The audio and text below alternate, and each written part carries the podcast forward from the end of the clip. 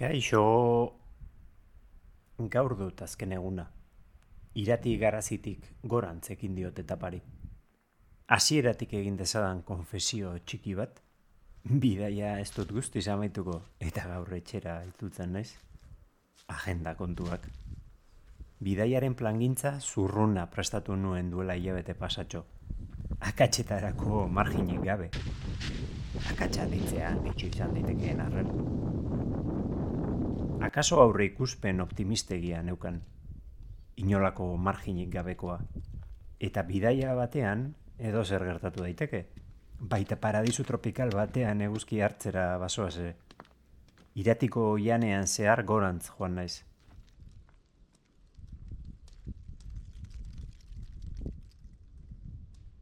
Laku baten albotik pasatzeko errepidea gurutzatu dut eta berriz aldapan gora, mendiaren beste magaletik. Bastango etapan plangintza zapustean, banekien ezingo nuela zazpi bidaia saio bakarrean amaitu. Bi arpeiok egazkin bat hartu beharra dauka eta.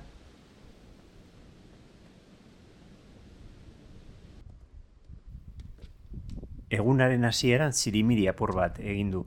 Ezer gutxi, baina jo, nolako aize zakarra dagoen gainkaldeetan.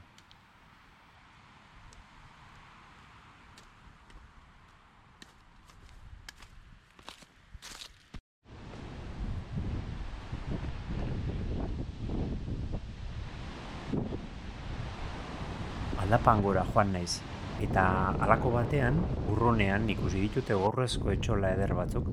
Ara, iratiko txaletak dira barren. Egi xuria izeneko mendia barrena banatuta daude etxola hauek, eta arrizko bidea jarraituz errepideraino iritsi naiz. Han ziren zain, peio eta inagi. Ordura arte GR amar bidetik joan naiz, baina hor agur esan diot. Pirinioak ziarkatzen dituen bide honek bagargi leporantz jarraitzen du ekialdera, errepidetik. Eta nik hegoaldera hartu dut, gorantz doan errepidean zehar. Errepidean gore ekin diot eta minutu gutxiren ostean horra saldu da gaurri nahi nuen mendia, hori. Zazpi bideiko zeigarren tontorra da hori, zueroako gaiurra.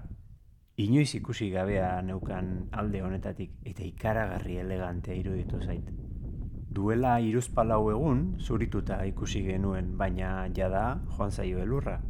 Justu igo behar dudan ertzean, haize desente egongo dela aurre ikusten nuen. Igusten dudanak bai estatu dizkit susmoak. Haizeak bultzatuko ninduke amildegirantz. Eta bakarrik joan da, ez daukat inolako gogorik. Urduri jartzen nau, arrisku horrek. Birritan igota nago hori da, iturza eta edo larraineko lepotik. Ezagutzen dut igoera. Baina hemendik ez dut ezagutzen eta ez ezaguna zaigun horri errespetua diogon horietakoan ez. Ilerria eroiz betea dago eta ez daukat bertan amaitzeko presarik. Gainera, zazpi bidaia ez dut egiten nire mugak aurkitzeko. Ulertzen du zenbait personak euren mugak aurkitzeko interesa izatea, Jakinanik neuke ere ezagutu nahiko nuke lan non den nire muga. Baina esperimentuetan hasteko gogorik ez daukat. Ze esperimentua gaizki irteten bada, ez nuke ordainetan orban berri bat izatea nahi nire buruan. Mugak nun ditudan jakiteko esperimentatzeak presio bat izan dezake, eta ni ez nago prest hori ordaintzeko. Odeizu gainatik jaitsi eta bere alaberriz marka zuri gorriak, baina orengo honetan GR amabi ibilbidea. Euskal Herriko ibilbidea delakoa da GR amabi hau, eta jada egin du topo berarekin beste etapa batzuetan. Baiara estu eta eder batean behera joan naiz bidea jarraitzen. Baiara honen behekaldean, Ibarrondoa izeneko txabolen albotik pasa eta eskuinerantz bira egin du bideak.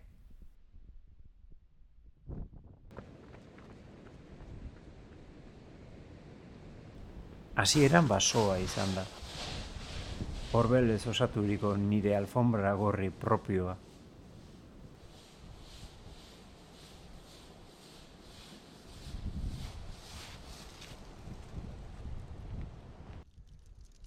Pare bat luizi ikusi ditut eta txikixa marra sentitu naiz, harripuska horien parean.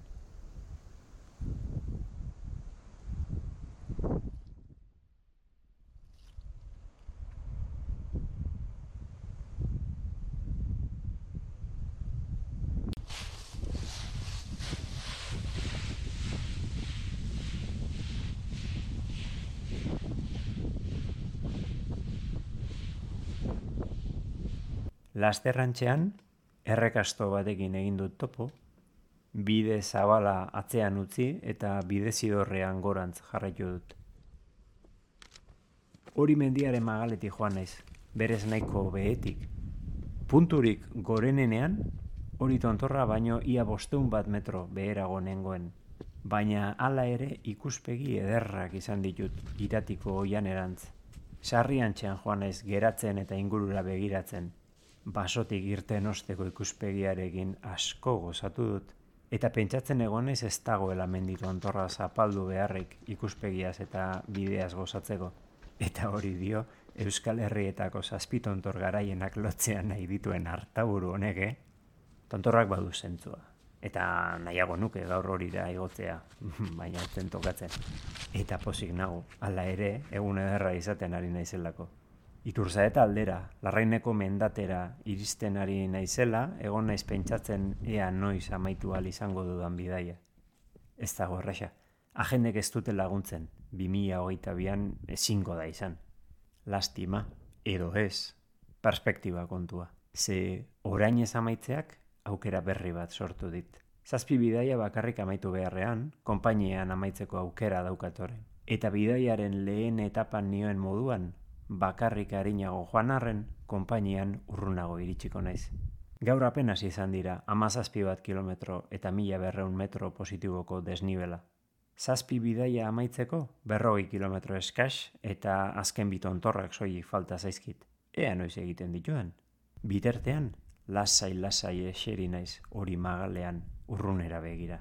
Ez dakizue nolako poza daukadan Batetik gaur nire nesken gana noalako, bingoan, eta bestetik oso zorionekoa naizelako.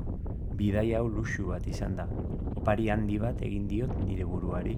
Opari berekoi bat, nire buruaren denbora izateak berekoitik asko duelako. Eta denbora, hori da aberastasunik handiena. Osasuna, natura, toki hauek, hizkuntza, kultura, familia, lagunak, dirua, bai, ikaragarri baloratzen ditut, baina aberastasunik handiena denbora da. Norberari denbora hau oparitu izatea. Eskerrik asko bidaia honen lehen zatian onaino nirekin etortzeagatik. Bigarren zati bat egongo da, bertan elkar ikusi dezagun. Ah, jo, besarka da estu bat.